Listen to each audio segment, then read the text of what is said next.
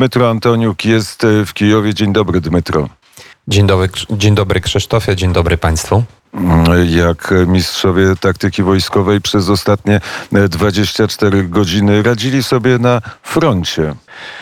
Cóż, na razie ta, to, ta ofensywa, która była w obwodzie charkowskim, ona można powiedzieć trochę się zatrzymała w, na, linii, na linii rzeki Oskil, Oskul ale można powiedzieć, że na e, linii tej rzeki, gdzie ona w, wpada do e, jeszcze większej rzeki w Siewierski Doniec, e, już w obwodzie donieckim, na wschód od Iziumu toczą się walki i mm, widać e, po niektórych mapach, że walki są, my mamy tam sukcesy. Także wojsko ukraińskie jednak idzie dalej e, na wschód, wyzwalając kolejne e, tereny, kolejne kolejne miejscowości, e, które były okupowane przez Rosjan. I szczególnie na przykład ciekawa sytuacja jest pod Limanem, e, który znajduje się na e, lewym brzegu Siewierskiego Dońca, na prawym brzegu jak,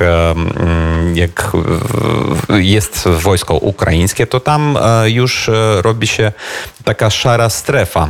Na, akurat na tym samym brzegu, na którym znajduje się Liman. Także mamy nadzieję, że Liman zostanie zdobyty i razem z nim jeszcze e, miejscowości Zariczne i Jampil, które leżą na drodze od Limana do Kryminoi i do Rubiżnego. I przypominam Państwu, że Kryminna i Rubiżne znajdują się już w Łuchańskim obwodzie i byli zdobyte przed tym, jak e, Rosjanie zajęli Sewerodonieck i Lisiczańsk. Także tam sytuacja jest bardzo ciekawa i wojsko ukraińskie, chociaż nie z takim e, nie tak szybko jak e, kilka dni temu, ale jednak idzie i zdobywa kolejne sukcesy, kolejne wyzwala miejscowości. Natomiast e, na Donbasie, e, już w okolicach Bachmutu i szczególnie pod Donieckiem, wróg nie ustala ze sprobami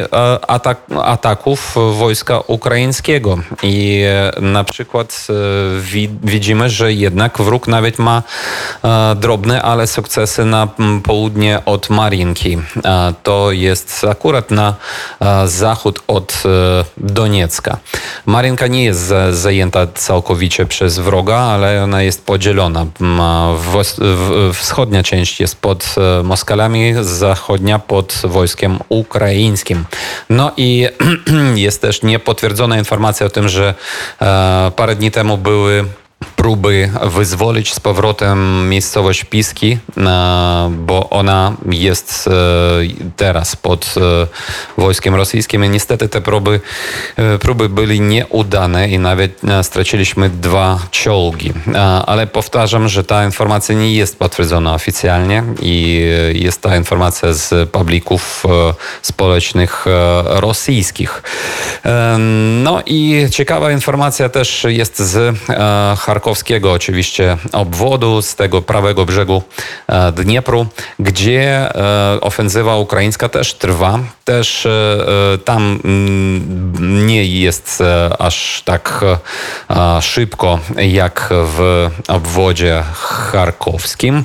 No ale też wojsko ukraińskie powoli, ale zbliży się do Nowej Kachowki, do Berysławia i do, do Hersonia. Oczywiście wczoraj była informacja od e, amerykańskiego Instytutu of the Study of the World e, o tym, że miejscowość Kisiel, Kisielówka, która znajduje się, to jest druga miejscowość po e, Czornobajewce, a Czornobajewka jest na pół, pół, północ od Hersonia, największą miejscowością, że ta Kisielówka została prawie opuszczona przez wroga. Dzisiaj już mamy sprostowanie niestety, także wróg nadal przybywa w tej Kisielówce. Natomiast e, widzimy, że mm, ten przeciwłek nad Inhulcem jest coraz większy w okolicach miejscowości Dawidów Brud. No i też była wczoraj informacja też niepotwierdzona, że niby największa miejscowość w mm, okupowanych częściach Mikołajowskiego obwodu, bo Mikołajowski obwód jest częściowo też zajęty na razie jeszcze przez wroga, to jest tam miejscowość, miast, miasteczko, które nazywa się Snigurivka. To być może rzekomo została ona wyzwolona i zdobyta przez wojsko ukraińskie. Na razie nie mamy potwierdzenia, także czekamy na informację oficjalną. Krzysztofie? Jestem. E, Praga e, czeska. Dzisiaj e, pogoda niezbyt piękna, ale Ciebie chciałbym zapytać o coś, co ma nazwę Pakt Gwarancyjny, który wczoraj został ogłoszony przez polityków ukraińskich. W tym pakcie gwarancyjnym po skończonej wojnie mają uczestniczyć oczywiście Stany Zjednoczone, Francja, Anglia, Niemcy, ale też Polska i ten pakt gwarancyjny taką gwałtowną reakcję ze strony Rosji e, wywołał. Nawet były prezydent Rosji e, zagroził e, czymś, co można nazwać wojną nuklearną. Jak najbardziej, tak. Reakcja mm, Medwiediewa jest jak zawsze ostatnio po prostu nieadekwatna, no ale on jest takim blaźniem w, w, przy dworze Putina, no i my nie odbieramy jego zbyt poważnie, tak powiem. Ale ten dokument oczywiście jest ciekawy. No i zobaczymy, jak będzie ta sytuacja toczyć się dalej, geopolityczna.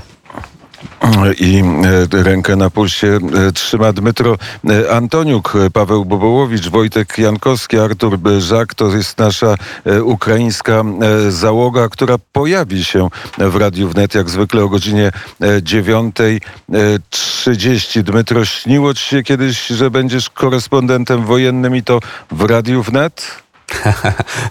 nie, tak naprawdę nie śniło się mi to, ale jestem naprawdę bardzo zadowolony i, i, szczęśliwy, że naprawdę mogę e, donosić do e, Państwa informację, mam nadzieję, prawdziwą informację e, o tym, co się dzieje w Ukrainie.